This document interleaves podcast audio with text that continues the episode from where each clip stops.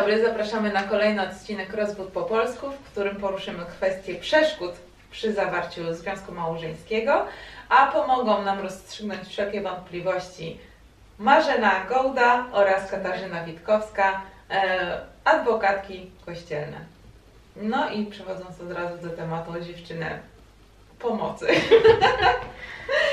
E, Jakie to są przeszkody, które stoją nam na, znaczy stoją nam, które możemy później po zawarciu związku małżeńskiego wykorzystać, że tak brzydko powiem, jako właśnie tą przeszkodę do tego, że e, to małżeństwo, które zawarliśmy, zawarliśmy nieważnie.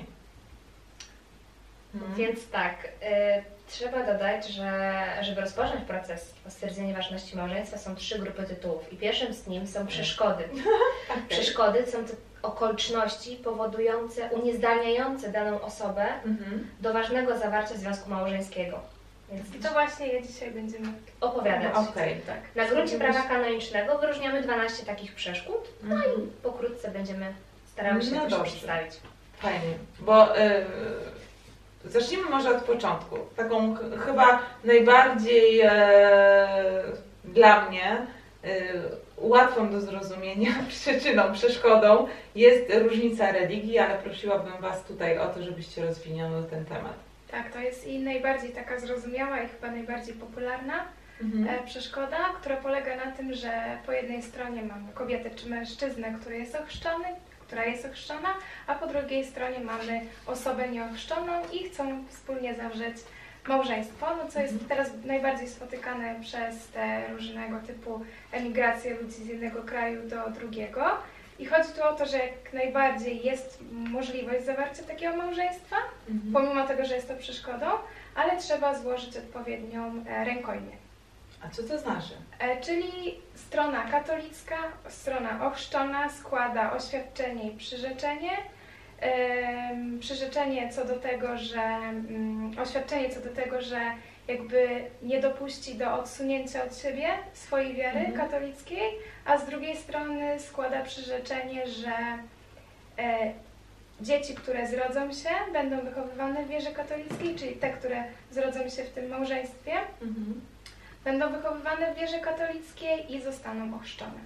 I jakby o tym jest powiadamiana strona nieochrzczona, ona musi jakby to przyjąć do wiadomości, mimo tego, że takiego oświadczenia tej rękojmi nie składa. I jakby obie strony są e, pouczone o istotnych przymiotach małżeńskich, czyli jedność, nierozerwalność i o istotnych obowiązkach, jakie Aha. wynikają z małżeństwa. Okej. A powiedzcie mi, co to jest em, przeszkoda wieku? Przeszkoda wieku, więc jak sama nazwa wskazuje, chodzi tutaj e, o wiek. Mhm. E, Na gruncie prawa kanonicznego nie można zawrzeć małżeństwa, jeżeli mężczyzna nie ukończył 16 lat, a kobieta 14 lat. Jest to dość niska granica wieku. Bardzo. Ale kodeks prawa kanonicznego też em, daje taką, powiedzmy takie prawo konferencji episkopatu ustalić wyższy wiek do godziwego zawarcia małżeństwa. To znaczy? I na gruncie prawa kanonicznego i na gruncie prawa e, polskiego e, granica wieku wynosi 18 lat. Mhm. Chodzi o to, że małżeństwo jako sakrament Że małżeństwo jako y, sakrament Mhm. jakby do ważności wymagane jest e, Pełnoletność. tak, a jakby do godziwości wystarczy te 14 i 16.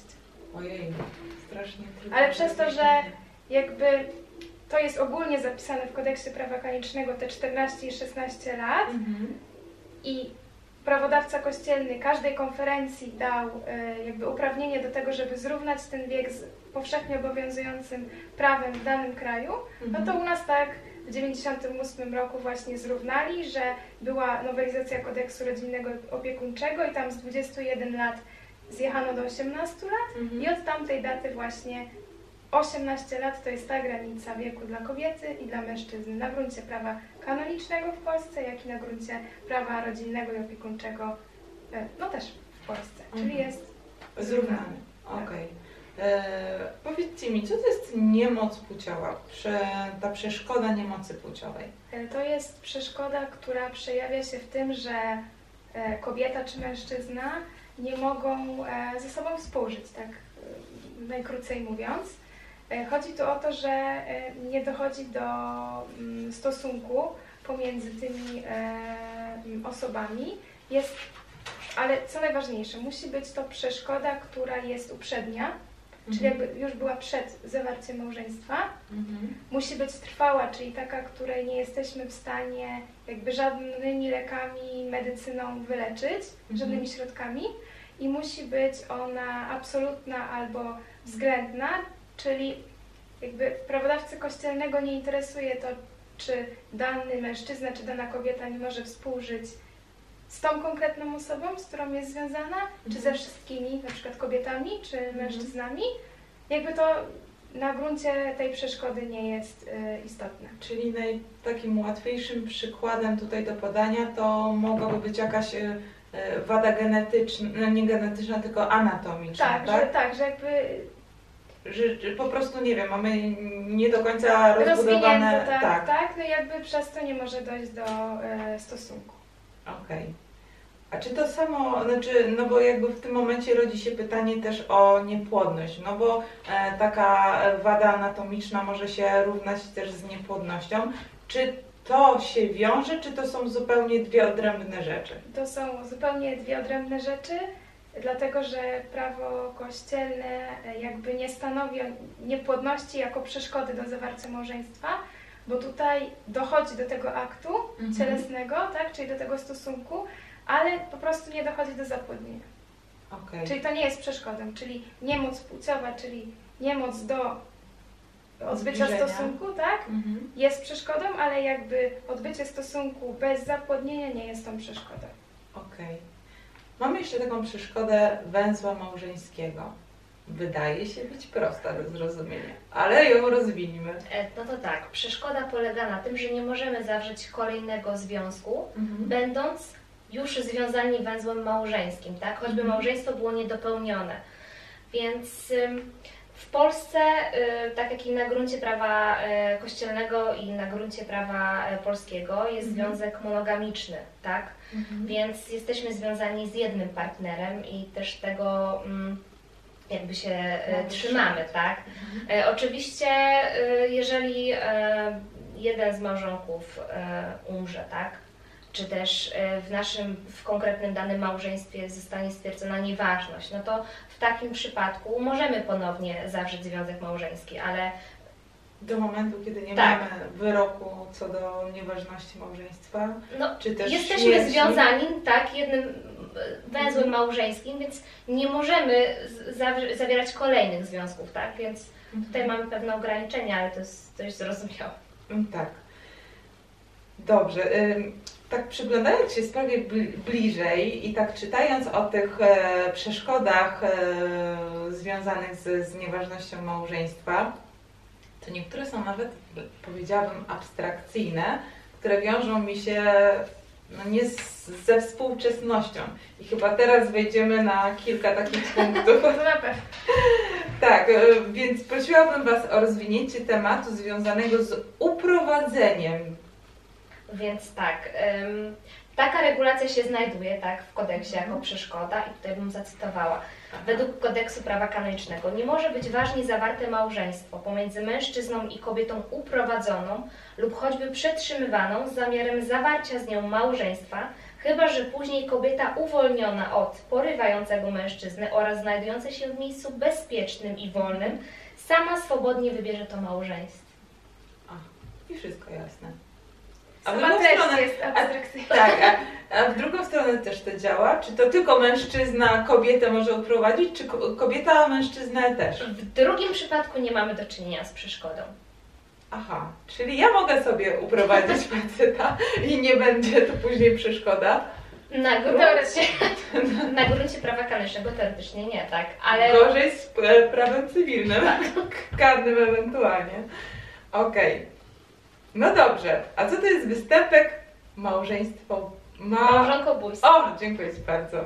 Małżonkobójstwa, tak. To też dość y, abstrakcyjna przeszkoda, bo polega na tym, że małżonek czy mm, mężczyzna i kobieta celem zawarcia małżeństwa zabija swojego współmałżonka albo współmałżonka tej osoby, z którą chce zawrzeć małżeństwo. Aha. Czyli to taka dość pokrętna droga do tego, żeby y, zawrzeć małżeństwo. Tak, dokładnie. I co najważniejsze, że jest to przeszkoda, która musi być dokonana, tak? Czyli Mhm. ten akt y, zabójstwa musi być dokonany, nieusiłowany, nie Mhm. może być to zabójstwo y, chybione. No i celem musi być to, że celem jest zawarcie nowego związku małżeńskiego z tą No, osobą, jakby z tym małżonkiem, który tą osobą, którą e, się chce być. tak, a jej męża czy żonę się e, Mhm. zabiło, tak.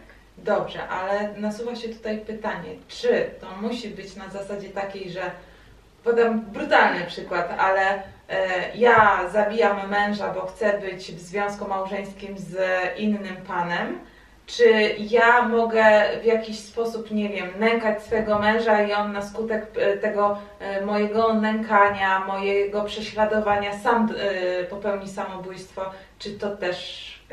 Tak, to tak jak mówisz, czyli mogą być dwie, nawet kilka możliwości, czyli sami na przykład dźgniemy nożem tego, tą, tego małżonka, którego chcemy e, pozbawić życia, żeby na przykład z jego e, żoną zawrzeć małżeństwo, albo możemy kogoś jakby dotknę, do tego tknąć, tak? Mhm. Czyli na przykład właśnie jakieś naciski psychiczne, Wywieranie E, tak, wywieranie presji. presji, albo nawet zlecić możemy kogo, komuś to zabójstwo, ale musi być celem właśnie zawarcia tego małżeństwa, czyli to jest tak no mega takie abstrakcyjne.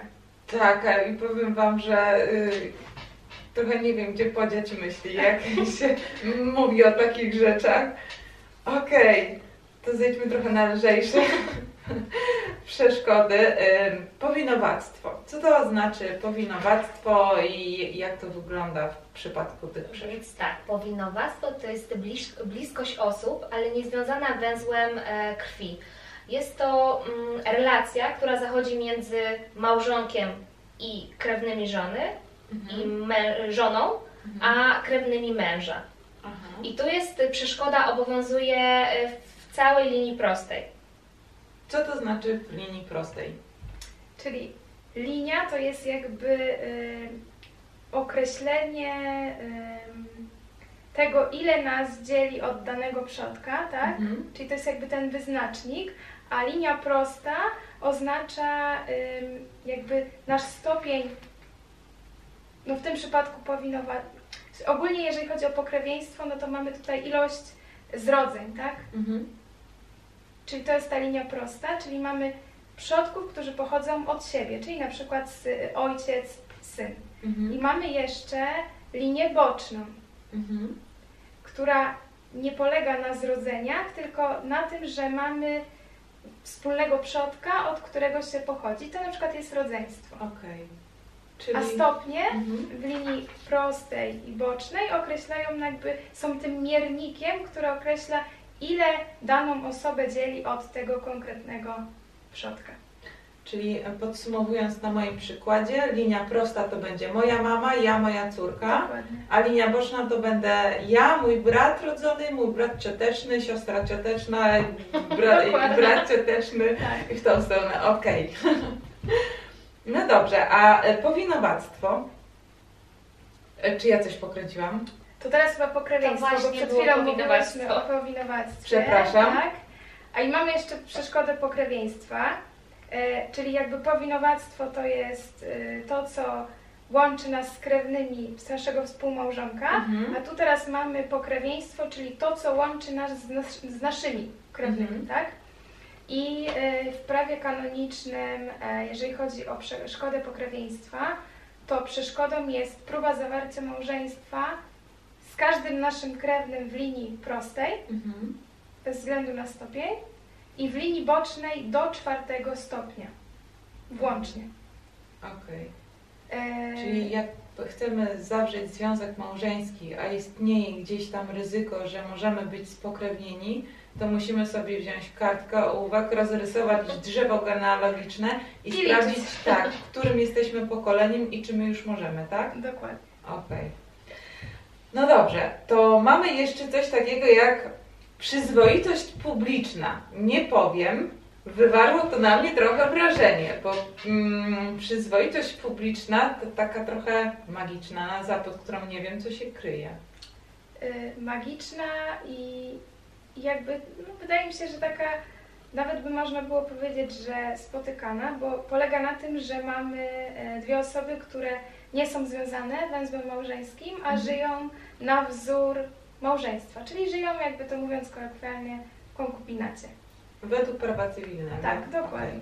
Żyją w konkubinacie i jakby to jest notoryjne, publiczne, czyli znane każdemu, że Mhm. te ta konkretna para żyje jak małżeństwo. I chodzi tu o to, że gdyby doszło do śmierci któregoś z tych partnerów, tak, któregoś Mhm. z partnera, to partner żyjący nie może wziąć ślubu na gruncie prawa e, kanonicznego Mhm.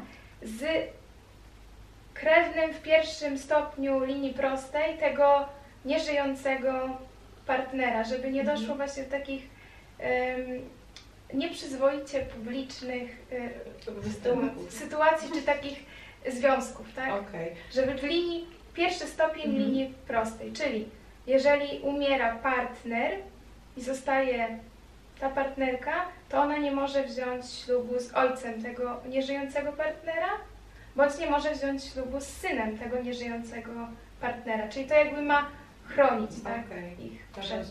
Czyli tu nie chodzi o to, że prawo kanoniczne konkubentom do tego, żeby wstąpili w związek małżeński. Jest właśnie wręcz przeciwnie, że zachęca ich się do tego, żeby ten związek Był zalegalizowany. Tak. Okej. E, Ale co to jest przeszkoda święceń? No to tak, jak sama nazwa wskazuje, chodzi o święcenia i tutaj dotyczy e, duchownego, tak? Osoba, która przyjęła święcenia diakonatu, jest, staje się osobą duchowną. I tutaj nie można zawrzeć związku małżeńskiego, gdy ma się te święcenia, tak? Mhm. Oczywiście od tej przeszkody można dyspensować lub e, jeżeli em, upadnie ta podstawa, jeżeli zostaną jakby anulowane te święcenia, to wtedy nie ma przeszkód. Mhm. Ale na gruncie prawa kanonicznego osoba, która przyjęła święcenia, no to nie może się związać. Okej. E, A ślub, e, przeszkoda ślubu, czystość. Tak, to wieczystego e, ślubu, wieczystego, publicznego ślubu e, czystości. To ba- bardzo ważne są te dwa pojęcia. Dlaczego? Wieczysty i publiczny, dlatego że tylko To, to ślub teraz, y, jak to skończysz, to wrócimy do tego. E, Czyli chodzi o to, że nie może zawrzeć małżeństwa osoba, która e, przyrzekła Bogu publicznie Mhm. i trwale e, czystość, czyli życie w celibacie. Czyli to jest jakby przeszkoda, która nie dotyczy nas, tylko osób konsekrowanych. Okej, czyli, y, czyli generalnie rzecz biorąc, to może być ksiądz, zakonnik, tak? Tak, zak- tak zakonnik, który Mhm. złożył śluby e, czystości i złożył je trwale, czyli wieczyste są one, i złożył je publicznie, czyli na forum i przed kompetentną e, władzą. No, Tak. Ale można z tego wyjść. Tak, tam odpowiednie tak, dyspensy, odpowiednie regulacje, które jakby uwalniają tą osobę od tego, ale lepiej nie zagłębiać się. Aha, okej. No, pa, patrząc, powiem Wam, e, po, e, po tych niektórych e, przeszkodach, no to czasami się boję zapytać. Bo wydają mi się one na tyle nieaktualne z rzeczywistością, znaczy ze stanem obecnym, Tak, jakim tak. się ogólnie poruszamy, że te niektóre przeszkody jakby, mm, tak jak Wam poza kamerami tutaj mówiłam, kojarzą mi się z przeglądaną Biblią, jak byłam dzieckiem, że to bym odniosła właśnie do takiego czasu z tej Biblii, którą oglądałam, że to, to niektóre te punkty by się tam odnalazły właśnie, to chociażby uprowadzenie albo wstępek małżonkobójstwa. No. Znaczy mam nadzieję, że się takie rzeczy nie zdarzają na chwilę obecną, bo, bo, bo nie. E, Ale mam nadzieję też, że e, wszystkie przeszkody zostały dzisiaj wymienione, opisane mm, dobrze, zrozumiale, a jeśli nie, to będziemy prosić mm, Kasię i e, Marzenę o to, żeby nam tutaj uzupełniły informacje. Jeśli będziecie potrzebować, to zapraszamy do kontaktu. A za dzisiaj dziękuję Wam dziewczyny i Dziękuję. do Dziękuję zobaczenia bardzo. następnym razem. Dziękujemy, do zobaczenia.